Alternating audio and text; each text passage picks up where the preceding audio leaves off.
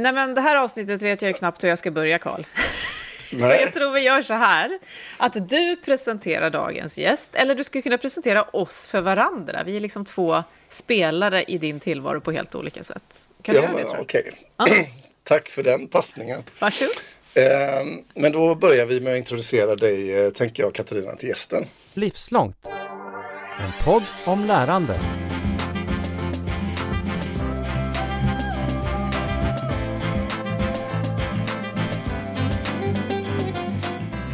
Katarina Fjärtsack eh, är programledare för vår podd Livslångt men har jobbat med mig på RISE i massa år.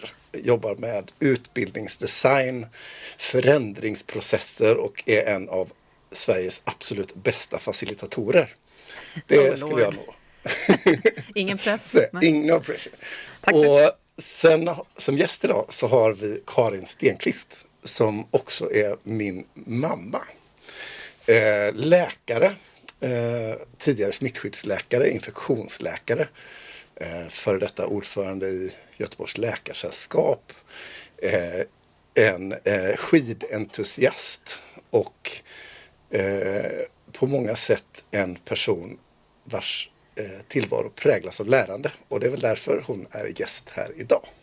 Yes. Utöver vår eh, släktrelation. Fick du inget Sveriges bästa du, Karin? Sveriges bästa mamma kanske? Lätt. Lätt.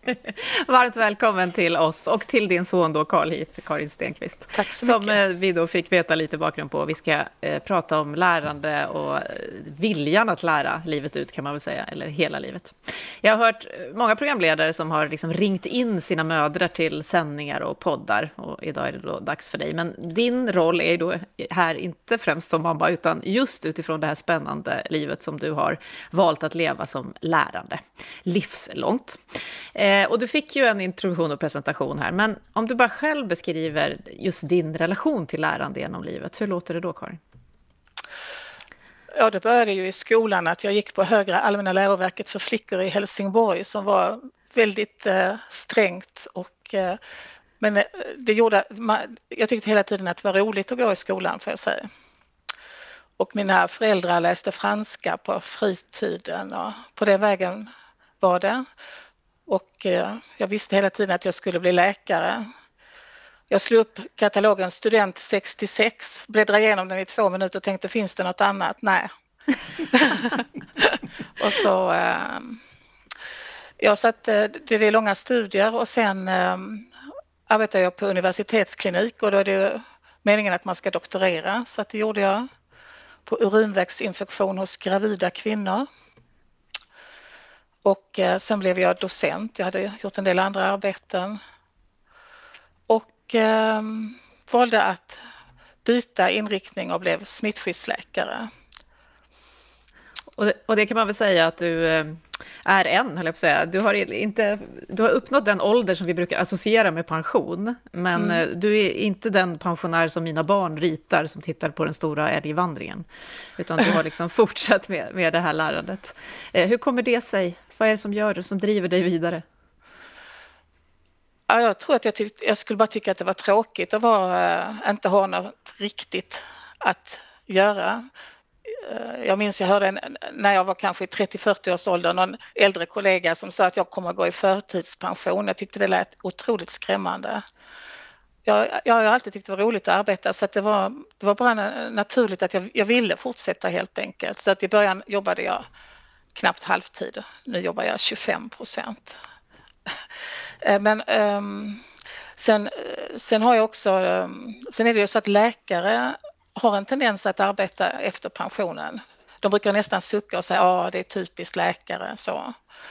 Och min far som också var läkare han, eh, han sa jag jobbar till jag är 70 sen vet man inte hur man är så att han uh, arbetar på Försäkringskassan fram till 70, mellan 65 och 70. Han var innan dess också infektionsläkare. Men vad är det med läkare som gör att de håller på med? Alltså för du har ju alldeles rätt i det där att läkare är liksom ett skrå som det finns en kultur i det liksom, yrket att man jobbar vidare som ju inte på samma sätt finns på likadant sätt i många andra yrkeskategorier. En sak är väl att yrket innebär att man hela tiden lär sig vidare, man måste ju hänga med. Så att det, det är en vana tror jag att hela tiden utveckla sig. Sen finns det nog en liten del också att rollen där, att det är svårt att släppa den här viktiga rollen. Om man ska vara ärlig så tror jag att det är en komponent. Sen en jätteviktig sak är ju att man har möjlighet. Det tycker jag verkligen är en, ja, den basala förutsättningen. Och då är det brist på läkare i många områden. Brist på handledare till exempel. Brist på kliniska läkare. Men du berättade att du hade ju då en förebild i din egen far, som också fortsatte då efteråt. Om du, om du tittar tillbaka tidigare i livet, hade du då den här känslan av att du skulle fortsätta? Eller hur såg du när du var yngre på din egen tid efter 65, så att säga? Alltså, det tänkte jag inte på. Det, det, det, har, det har jag aldrig tänkt på, utan det började jag väl inse sådär efter 60, att oj, nu närmar det sig. Och hur kändes det? Ja, men då kändes det, alltså det kändes lite oroligt tycker jag. Var det en, var det en klurigare känsla, känslan inför att fylla 65? Jag minns ju att jag var på din pensionsavgångsfest. Det var ju en väldigt konstig grej och så här, tio, ja, alltså att det slutade ju liksom inte. Men, men, men jag tänker att var det liksom, för du har ju också gjort några ganska järva språng i ditt yrkesliv eh, i andra sammanhang. Var det liksom klurigare och och inför att gå i pensionen, vad det var att byta jobb för dig? Ja, jag tror nästan att det, alltså det här att jag, om man skulle bli pensionär på riktigt vid 65 års ålder hade jag nog tyckt var mer skrämmande. Annars var ju det här valet när jag eh, gick över till att bli smittskyddsläkare var ju ett, ett väldigt stort steg och mina kollegor sa, känner du dig inte ensam? Hur, hur går det? Och sådär. Och jag jag visste väldigt lite om hur det var att vara smittskyddsläkare utan det var så här att eh, jag hade, precis, jag hade doktorerat, blivit docent men ändå kände jag att det var precis samma arbete hela tiden. Eh, för att eh, ett sjukhus, det finns rutiner och fantastiska saker man gör. Det krävs att det är rutiner. Så att även om man är expert så hamnar man i ett smalt spår. Så det blir väldigt samma hela tiden. Och och sen också rent arbetsmässigt så kände jag mig lite som en schackpjäs. Man kunde vara på olika avdelningar och sådär. jag, jag såg inte någon riktigt spännande framtid tror jag. Och jag kände att jag ville ut ur själva sjukhuset, byggnaden, kulvertarna.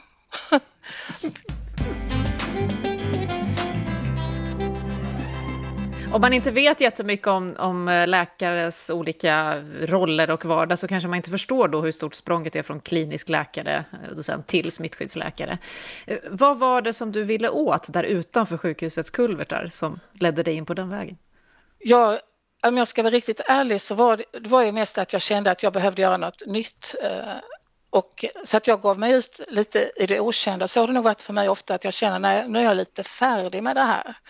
Och då, då måste man våga lämna, jag tänker mig lite så här, hoppa ut på ett isflak innan man vet vad kommer härnäst. Alltså om man ska ha total kontroll över hur kommer det bli det här nästa jag gör så kommer man aldrig att ta steget tror jag. Utan man måste ha en, ett osäkert moment.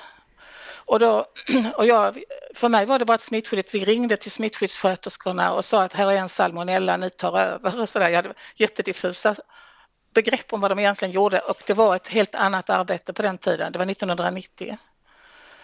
Men eh, då, och då eh, skulle jag hjälpa till med myndighetsutövningen på HIV speciellt, för det var ju, gick inte att behandla.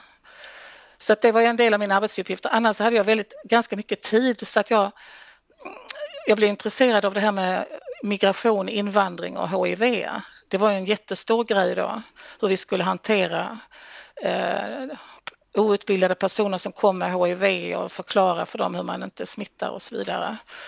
Och eh, då gick jag på en massa föreläsningar på filosofiska fakulteten och eh, fick kontakt med eh, Åke Sander som var föreståndare på Centrum för kulturkontakt och internationell migration.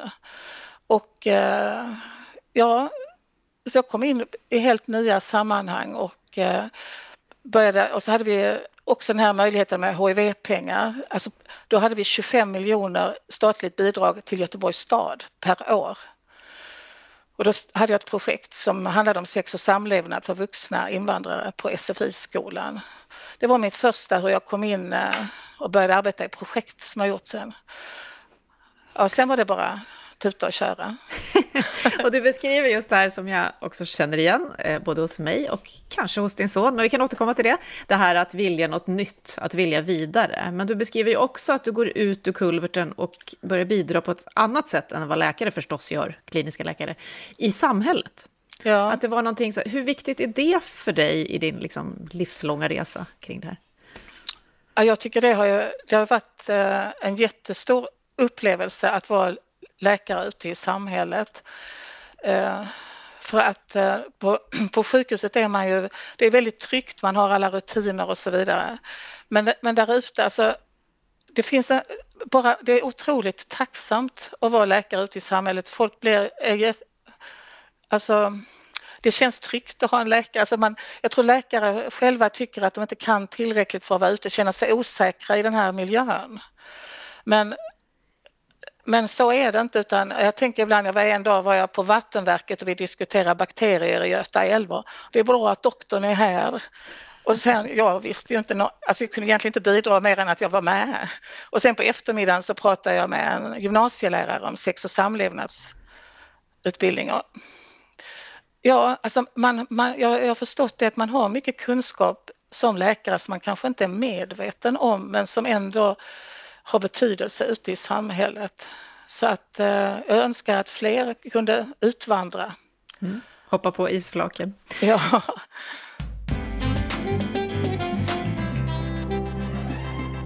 Du Karl, eh, Karin berättade om då din morfar blir det, alltså sin far som också var som någon slags förebild. Det här som då, jag vet ju att du också har ett starkt samhällsintresse och att bidra, men det här som din mamma nu berättar, hur, hur mycket har du observerat det genom ett liv? Jag tänker hur man liksom formar sin livslånga resa genom dem som just går före. Nej men det finns ju jättemycket i detta som, som jag har liksom färgats av tror jag på många sätt. Alltså jag, jag kommer ju väldigt väl ihåg perioden eh, när när du var smittskyddsläkare eh, och liksom 1990, eh, 91 någonstans där i krokarna när det här eh, arbetet kom och liksom där HIV-frågan då var ju liksom en oerhört stor samhällsdiskussion. Också liksom alla de samtalen som blev nya och annorlunda under den perioden i hemmet. Mötet med helt nya människor som dök upp. Eh, personer från RFSL och RFSU och eh, olika typer av eh, organisationer som dyker upp i våran tillvaro, eh, eh, också hemma eh, på olika sätt. Att den här kopplingen till samhället och hur eh, ditt arbete kommer att liksom färga också relationen eh, liksom forma och färga andra relationer. Så jo, nej, det har ju präglat mig väldigt mycket skulle jag nog säga. Det finns ju många exempel naturligtvis, men jag skulle tro att just den där perioden med HIV och, och ehm, hur, eh, hur det kom in nya och andra relationer och människor i, våra, i, i vår vardag. Eh, för mig som tonåring på den tiden var en väldigt stor och annorlunda sak. Jag tänker på det för att vi idag pratar mycket om att vi alla behöver se på lärande på ett annat sätt. Och då kanske vi också behöver fler förebilder, vilket ju är en av anledningarna till att du är här idag, Karin. Du får vara förebild för flera av oss.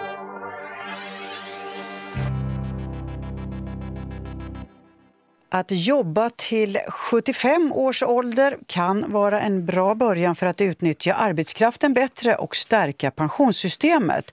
Det säger den förre moderatledaren och statsministern Fredrik Reinfeldt i en skrift för Delegationen för senior arbetskraft. Jag har försökt blicka framåt och jag ser en kraftigt ökad medellivslängd samtidigt som vi har förväntningar på pensioner som inte stämmer. De ser ut att vara mycket lägre än vad folk tror.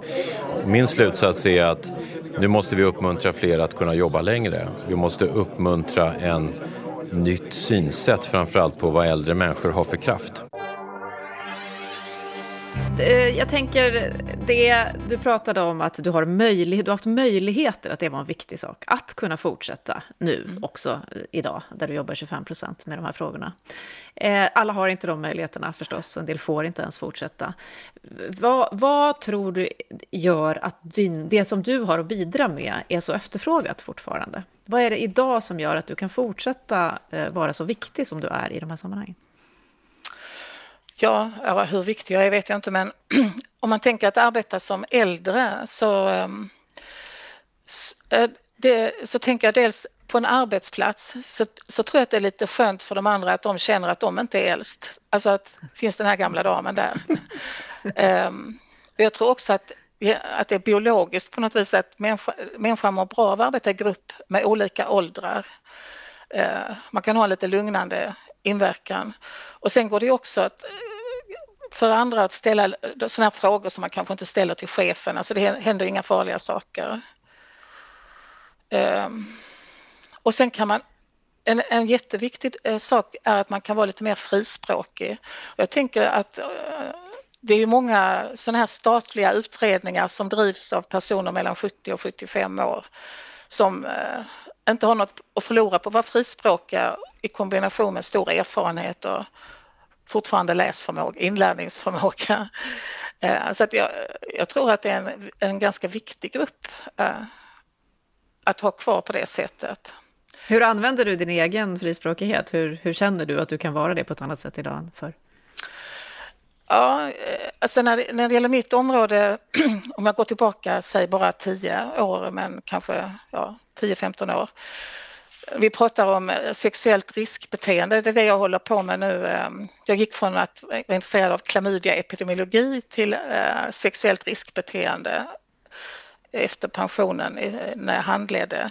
Men och då var det så här att förut att om du har, ja det är inget fel i att ha många partners, snarast positivt. Vi måste bejaka sexualiteten och, och man pratar om att det var kanske ibland mindre bra på grund av risk för klamydia och HIV så var man en moraltant. Men eh, då började jag med att säga att det är inte moral utan det är matematik. För att ju fler partner du har ju högre är risken. Och så småningom har jag, liksom, eh, och det, det, är också så här rent vetenskapligt att eh, många som har väldigt många partners har eh, något, kanske något trauma i bakgrunden eller svårt att hantera sin sexualitet eller att skydda sig, ta hand om sig själv helt enkelt. Men det var någonting man inte pratade om. Men då, då känner jag att när man är äldre så kan, så kan jag prata mer fritt om det utan att för mig känns, känns svårt. Det är många som, som tycker det här ämnet är svårt och jag, jag tycker det är, det är viktigt att, att kunna prata om det och inte låtsas som att det inte finns några problem. Sen är det inte så att alla som har många partner, att, att, alltså det har ingenting med moral att göra utan det... Du kan bidra på ett annat och friare sätt idag helt enkelt. Ja. Mm. Då är det det du gör idag, du handleder i det här, det finns en speciell metodik som du är inne på kring det. Eh, du har många år ändå hållit på med det här smittskyddet och innan dess så hade du kliniska uppdrag. När du tittar tillbaka på det här CVet, vad tänker och känner du då? Ja, då ser jag att jag har hållit på med väldigt många olika saker. Så jag, när jag tittar på det så blir jag nästan lite trött. Jag tänker, herregud, ja, det minns jag inte nästan vad jag gjort. Men jag har ju um, fått vara med om många saker, kanske främst genom smittskyddet. Att eh, vi var eh, i andra länder och lärde oss om eh, hur man hanterar eh, till exempel HIV i Ryssland, eh, eh, vaccinationer i Ukraina, i Kina. Alla, det har fört mig ut på många sätt men också att jag har kunnat arbeta med många projekt basen har väl varit att jag, jag har det här som man säger körkortet lite grann eh, med eh, doktorsexamen, läkare, smittskyddsläkare. Det har varit en väldigt bra plattform att jobba ifrån. Det mm. tycker jag, det kanske är viktigt ändå att lyfta fram att man kan inte bara göra hur mycket som helst om man inte har en bas att stå på. Vad är du mest stolt över då? Att din drivkraft att gå vidare och hitta nya sätt att bidra, som ju fortsätter idag, eh, vad det har lett till? Ja, jag tror det är två saker. Dels att vi har en enhet, Kunskapscentrum för sexuell hälsa i Västra Götalandsregionen som är faktiskt det enda som är riktigt bestående struktur efter alla statliga HIV-medel. Och vi är 17 anställda i Västra Götaland som arbetar med detta området. Eh, också nu att vi håller på att införa det i, på universitetskurserna, ämnet sexuell och reproduktiv hälsa och rättigheter. Och sen det här projektet som jag arbetar med sedan fem år tillbaka, Sexit. Eh, där, som innebär att vi har ett frågeformulär riktat till eh, ungdomsmottagningar och skolor där, som eh, screenar för sexuellt risktagande och utsatthet och erfarenhet av våld, både att utsättas och utsätta för våld. Och det vi, det vi är ute och info, undervisar om och har varit i hälften av Sveriges regioner nu. Så att det, det är det kanske mest framgångsrika projekt jag varit med om och det började ju 2015. Mm. Ni har ju också lyckats jobba med samma frågor och parallellt, men inte ihop. Visst är det så, Karl? Ja, alltså vi jobbar ju i viss utsträckning också ihop eh, under en period. Eh, det var ju väldigt märkligt hur det blev på det viset. För då var ju du, mamma, du var ju smittskyddsläkare och jobbade i Västra Götalandsregionen och jag jobbade eh, som ansvarig för skolutvecklingsverksamhet i en annan region, i Göteborgsregionen. Och där våra politiker i respektive region fick för sig att sjukvården och skolan skulle samverka kring eh, sex och samlevnadsfrågor och smittskyddsfrågor. Och det kom sig att vi började eh, jobba i, i samma område eh, under olika, eh, i olika projekt eh, under en period. Det var superlärorikt var det. Även om jag har några minnen av några ganska märkliga möten. Eftersom vi har olika efternamn så, så, så hade, blev det ju rätt fnissigt ibland. När man fick förklara att vi också var släkt i, i något sammanhang och sådär. Men, ehm, men just den här samhällsdimensionen har jag ju fått möta dig i också i ditt yrkesliv på olika sätt. Så, så det har varit jättespännande att uppleva också på det sättet. Mm. Vad har ni lärt er mest av varandra skulle ni säga då? När vi nu pratar om att ni också har jobbat ihop. Jag, jag har ju hjälpt med eh, att arbeta med datorn och så.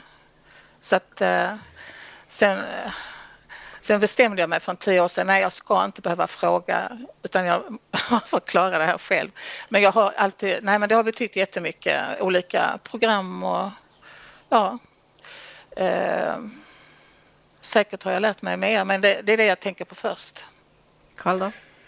Ja, alltså det går väl inte riktigt att svara på den frågan känner jag. Ganska stor. Den är ju jättestor när det gäller ens egen mor. Vad har jag lärt mig av min mor?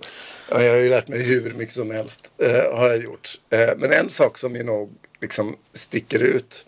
Det är ju att vara, ha tålamod i vissa situationer där jag inte alltid har haft det. Eh, inte minst så är ju jag eh, ganska blödig på att vara sjuk och då säger doktorn expectans och observans och så får man vänta och se. Och sen blir man ju ofta frisk eh, efter ett tag eh, ändå. Så, så eh, nej, det finns ju hur mycket som helst. Det, ja, det är väldigt svårt att svara på. Är det något du skulle vilja tacka för nu när du har chansen kanske? Isen? Oj, oh. ja, men kanske för att jag har gått klart skolan. Till att börja med. Ja, det finns ju jättemycket att tacka för. Eh, så mycket, eh, men, och alla år som du eh, slet med mig och mina syskon under eh, min tonårsperiod. När jag kanske inte var den absolut mest eh, slätstrukna personen under en gäng år så fanns det ju ändå ett eh, enastående tålamod. Eh, ja, jag, jag tror inte det var tå- jag, jag, jag avstod ju från att curla, så kan jag säga. jag tror det var bra. Ja, det tror jag också. När vi nu sitter här idag på den väg som har tagit er båda eh, dit ni är eh, och vi, jag och Karl jobbar ju mycket med olika lärandefrågor och vad som kommer behövas framåt. Och du har en, en stor och tung historik bakåt, Karin. Vi pratade lite grann inför här nu om de här 21st century skills som du hade kommit i kontakt med. Eh, och som ju vi också tittar på och försöker klura ut hur man ska jobba med för att vi alla i samhället ska kunna gå vidare och så. Eh, vad tänker du om eh, den samhällsutvecklingen och det, det beteendet och det sättet att lära som vi kommer behöva framåt, Karin?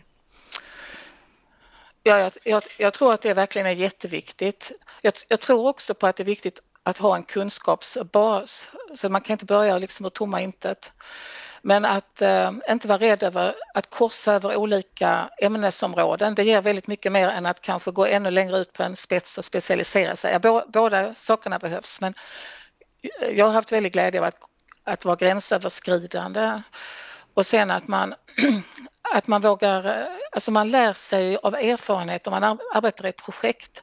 Att man, ja, det är bara till att börja, liksom, att man inte ska vara så rädd eh, att börja med någonting okänt. Att det går, det går, har man en bas så kan man lära sig något nytt.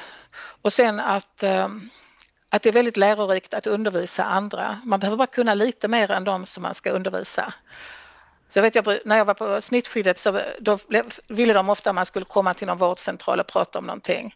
Och då, alltså vi hade inte mycket resurser. Då tänkte jag alltid, ja men det här blir ett litet vardagsföredrag. Så bläddrade jag lite i pärmen och så åkte vi iväg.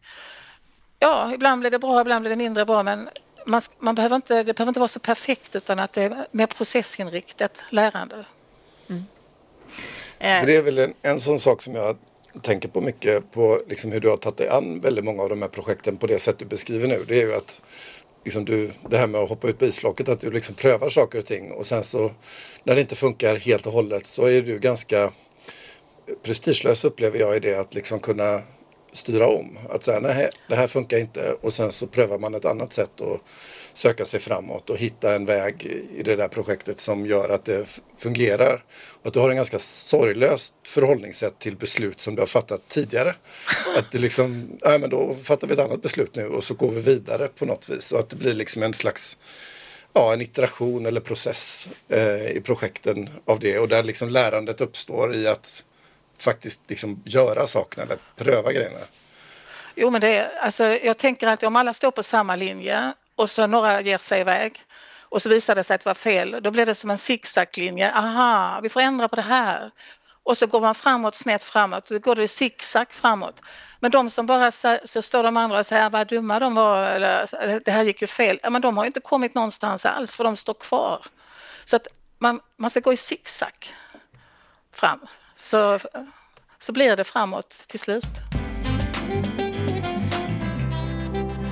Men om man då tänker sig att man kanske lyssnar på det här och står inför den här pensionssiffran eller att man överhuvudtaget känner att ja, men, vi pratar ju en del om ålderism i samhället och så, att varför ska jag fortsätta lära mig? Jag kan ju kanske inte bidra mer längre och så. Vad, vad vill du skicka med då, apropå det du säger nu, att det, det är bara att testa och så där. Vad, vad, vad, kan få någon, tror du, att liksom orka och våga det här?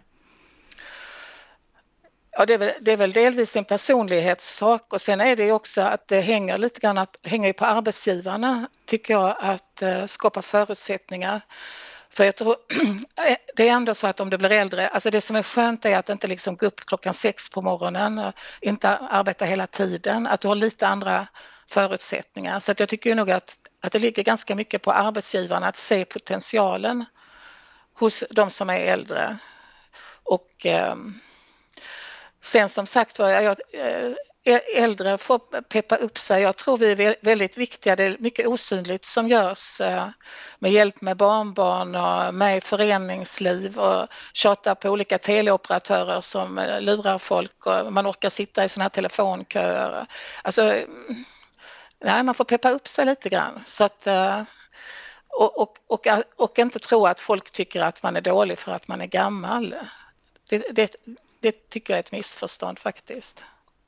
Men det gäller ju också, om man ska tänka själv, att inte tjata om det här, så här gjorde vi förr och så. Alltså att hålla sig lite grann eh, i bakvattnet och tänka att man ska bidra men inte tjata om hur det var förut för det, det är ingen framgångsfaktor. Vad är nästa grej du skulle vilja bidra inom eller kanske lära dig? Har du något sånt där mål framför dig? Ja, det som, det som eh, jag håller på med nu det är ju det här med att vi ska ha ämnet på universitetet. Att vi ska skri försöka skriva någon liten kursbok. Äh, inte för ambitiös. Och sen också så hoppas jag kunna bilda ett läkarnätverk. För vårt ämne finns, sexualiteten finns inte i organisationen. Den finns inom urologin och gynekologin och sådär. Och då svårt att få läkare, om jag ska ha någon efterträdare, det, det, måste vara någon som känner att det finns en liten gruppgemenskap, ett, ett ämne som finns. Så du måste fortsätta utbilda? Jag tror rent äh, formellt nu, det här blir sista året som jag är anställd, försöka hitta lite andra intresserade läkare. Men sen hittar jag säkert på någonting annat. Det tvivlar ingen på som hör dig just nu. Du närmar dig då, jag hoppas det inte är ofint att prata om det, men en ålder av 75. Mm. Och jag sa inledningsvis att jag känner igen det där att ställa sig där det liksom blåser något nytt. Och att jag tror kanske även att du gör det Karl, och att man går vidare och lämnar och sådär. Mm. Hur länge orkar man det? Hur länge tror du att du vill hålla på så här? Är det livslångt lärande som vi har att göra med? Och orkar man hela vägen lära sig nya saker? Jag tror det är, så länge man har liksom, eh, är, är frisk och man har vanan att göra det så tror jag att man kommer att vilja ja, i alla fall läsa för sig själv och lära sig nya saker. Det, det är jag övertygad om. Alltså jag tror, eh, det, det tror jag att man ska inte känna att nu är det slut liksom. Det, det hänger ju lite på en själv. Jag tror det är väldigt mycket en inställningsfråga. Jag tänker på din mor och min mormor Britta som ju när hon var, kan ha varit 92 eller något sånt där, hör av sig och vill lära sig hur man beställer böcker på Amazon. För att, för att det funkar ju så mycket lättare i bokcirkeln och eh, så vidare. Och det finns ju någonting i det där med liksom vad vi tänker om som lärande i olika faser i livet och så. Men, men eh, som du säger, den här liksom, att, in, att tillåta sig att få ha den här nyfikenheten. Att den liksom måste få vara okej. Okay, alldeles oavsett vilken ålder man har. Där mm. finns det väl ändå, tänker jag, någon, någon form av nyckel i, i det. Ja, och kanske att inte tro då att det är, nej men jag, jag är så gammal nu så jag, jag lär mig nog inte på samma sätt som jag gjorde när jag var tidigare. För det finns det också forskning som visar att man kan visst lära livet ut så. Mm.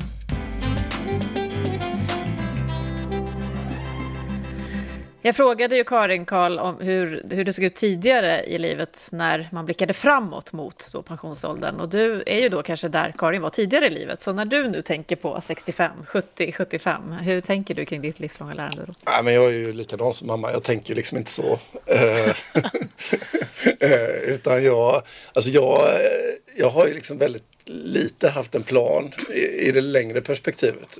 Utan är liksom ganska mycket mer fokuserad på det som är framför mig de närmsta åren på något sätt. Så jag har liksom inte riktigt en aktiv sån föreställning om hur det skulle kunna vara eller sådär. Men jag har ju svårt att föreställa mig eh, något annat än att jag skulle fortsätta och vara nyfiken och lära mig saker. Sen vad det liksom tar sig för uttryck vid den tiden och, och så, det har jag ingen aning om.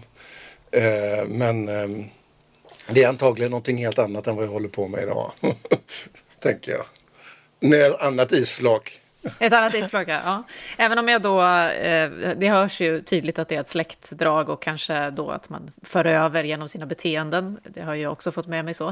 Eh, men eh, vill du, skulle du kunna skicka med något, Karin, med Karl, mig och alla andra som då inte är där än? Om vi nu vill fortsätta lära livet ut, vad, vad är det viktigaste vi kan göra? Att våga göra lite nya saker tror jag. För att är man på samma arbetsplats gör samma, eller har samma arbetsuppgifter hela tiden så fastnar, fastnar man ju lätt. Sen kan man ju utveckla sig på samma arbetsplats också. Jag tror det viktigaste är att, försöka, att, att våga göra nytt och om man får möjlighet att hoppa på. Var inte så rädd att, att sluta med det man håller på med så att säga. Det, det tror jag är en viktig sak, att vara öppen. Inte ha för stort kontrollbehov. Nej, det där kontrollbehovet har ju många, många utmanande sidor kan man ju lugnt påstå. Ja, Karl, vi får helt enkelt, du beskrev ju i vårt första avsnitt av den här podden att livslångt lärande är att addera nytt lärande, ny kunskap hela tiden och bygga och bygga och bygga. Så vi får väl helt enkelt fortsätta hjälpas åt att göra det. Tänker jag. Ja, men verkligen. Mm.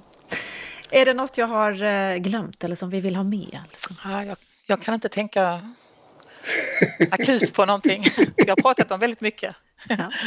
Har ni pratat om det här förut med varandra? Nej, alltså det som är roligt är ju att eh, ja, men jag, är ny, alltså jag har ju varit ny. Vi har ju pratat om det i ett par tillfällen om lärandet. har vi gjort. Och liksom vad som driver oss till olika saker och sådär. Det samtalet har vi haft i olika eh, kontexter.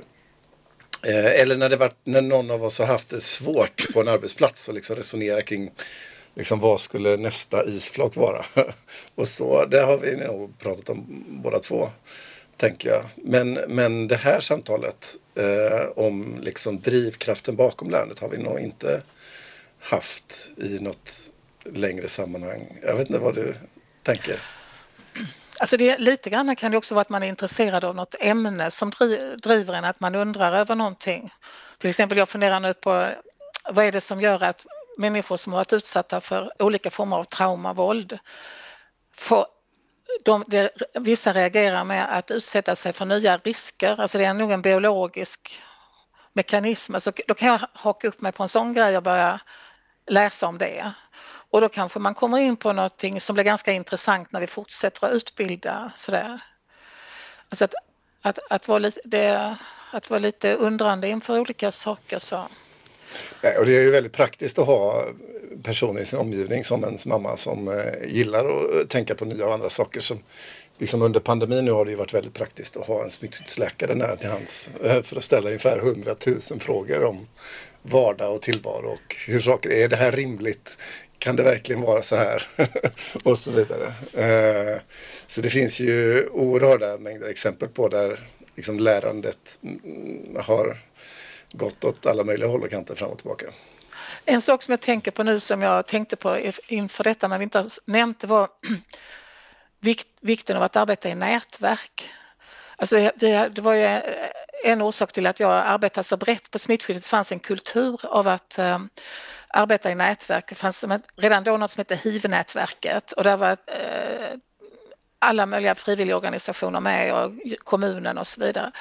Och då, då träffades vi regelbundet och eh, då visste man att det, det leder också till att om man har ett bra nätverk så vet man att jag behöver inte kunna allt för då kan jag ringa Pelle, han kan ju det här och jag kan låna powerpoint av den och den. Och, alltså det, det är en eh, det är en väldigt bra sak och, och då har jag funderat på det i samband med nu digit, alltså Zoom och Teams-utbildning att man, man förlorar kanske lite av, av det där. Samtidigt som jag har varit förvånad när vi har utbildat då, vi har haft till exempel 60-tal barnmorskor vi utbildar i Sexit på Zoom. Att det har gått faktiskt eh, väldigt bra, att man kan ha diskussion där också. Så att det, men det, det är klart, det är ingenting som går upp mot att man träffas och har kaffepausen. Den, den skulle jag vilja lyfta upp. Mm. Men just det du säger om eh, nätverket, det var en sån sak som Ja, om man går tillbaka till den här episoden av eh, hur det var att vara hemma i början av HIV-epidemin. Eh, att eh, just det här hur nätverket spelar en så stor roll för lärandet, att det kommer in nya perspektiv i en fråga. Att eh, kunna med hjälp av ett nätverk skildra eller porträttera eller förstå en företeelse från väldigt många olika sätt för att det helt enkelt finns många perspektiv i ett sammanhang. Ja, det, det, till exempel när vi höll på, när jag var smittskyddsläkare och speciellt då innan HIV gick att behandla så var ju RFSL jättemycket emot smittskyddslagen och dess hårda inriktning. Men vi var ändå och drack kaffe med varandra och hade utbildningar ihop och sådär. Och jag tänkte, vi fick ju in kunskap om vad är det som är problemet ur, ur målgruppens synpunkt med smittskyddslagen och så kunde föra det vidare. Alltså det är väldigt viktigt att vi orkar umgås även om man har olika åsikter utan, och, och, och kunna verkligen utbyta och framföra synpunkter till varandra. Och då tänker jag apropå 21st century skills att det är precis det som vi idag pratar så mycket om. Att vi har en komplex omvärld, vi behöver ha en medvetenhet om varandras perspektiv, vi behöver mötas tvärdisciplinärt. Mm. Och det betyder ju då att det gjorde du tidigt och det har färgat också din möjlighet att bidra idag, tänker jag. När jag hör dig prata. Ja, alltså det har varit en jätteviktig sak och det fortsätter vi med det arbetet kan man säga. Det är mycket olika kretsar. Mm. Ja, men stort tack för att du var med oss, Karin Stenqvist, som alltså har varit läkare och smittskyddsläkare och fortsätter, har varit är ett eh, felaktigt begrepp eftersom du fortsätter jobba med det här och fortfarande är anställd 25 procent för att jobba med frågor tillsammans med barnmorskor, ungdomsmottagningar och andra. Och så är du också Carl Heaths mor. Tack för att du var med i vår podd Livslångt. Tack så mycket. Tack, Tack. det var roligt. Och nu eftersnacket. Hur var det här, Karin? Nej, men det är roligt är det. Att uh, upptäcka och uh, prata om och möta frågor ur helt nya och andra perspektiv som liksom funnits i ens vardag och liv hela livet. Mm. Uh, men att liksom spetsa till det och reflektera kring eh, i det här fallet lärande på det här sättet jätteroligt. Eh, superspännande och kul. Jag kände faktiskt att jag hade nog önskat, eh, min pappa lever ju inte längre, men jag hade nog önskat att ställa en del av de här frågorna också. När du känner att du är väldigt präglad i ditt lärande av något sammanhang och någon. Eh, och just det där tidigt i livet när det kom in nya människor i ens hem och sådär. Eh, så det är fint. Ja, jag tror för den som liksom känt mig i mitt arbetsliv och möter min mor så känner man ju, tror jag, att det finns massor av liksom anknytningar till hur vi resonerar och tänker och sådär. Funderar jag över. Du har ju jobbat med mig ett tag så jag kan föreställa mig att du också drar Så många såna... frågor jag hade velat ställa. Men, Men det blir eh, för det där kaffet som hon pratade om. Ja, exakt. Mm. Det får vi göra. Så är det. Men kanske en liten eh, sån eh, insikt att skicka med alla våra lyssnare då, att man skulle kunna gå lite på jakt i sin egen historia för att se lärandet och hur det har präglat den, om man vill fortsätta så länge som Karin nu, fortsätta hålla sig liksom, levande och lärande livet ut. Absolut. Mm. Tack för den här veckan, Karin. Tack själv. Jag tyckte det här var nervöst. Jag kände, ja. jag, kände jag som i gamla tider när man skulle göra något hemskt. Varför, varför utsätter jag mig för det här? Men det var ett nytt isflak var det. Vad sa du? Det var ju ett nytt isflak. Ja, precis. Du har just hört Livslångt, en podd från RISE om allt det där man lär sig i livet. Vi hörs om en vecka igen.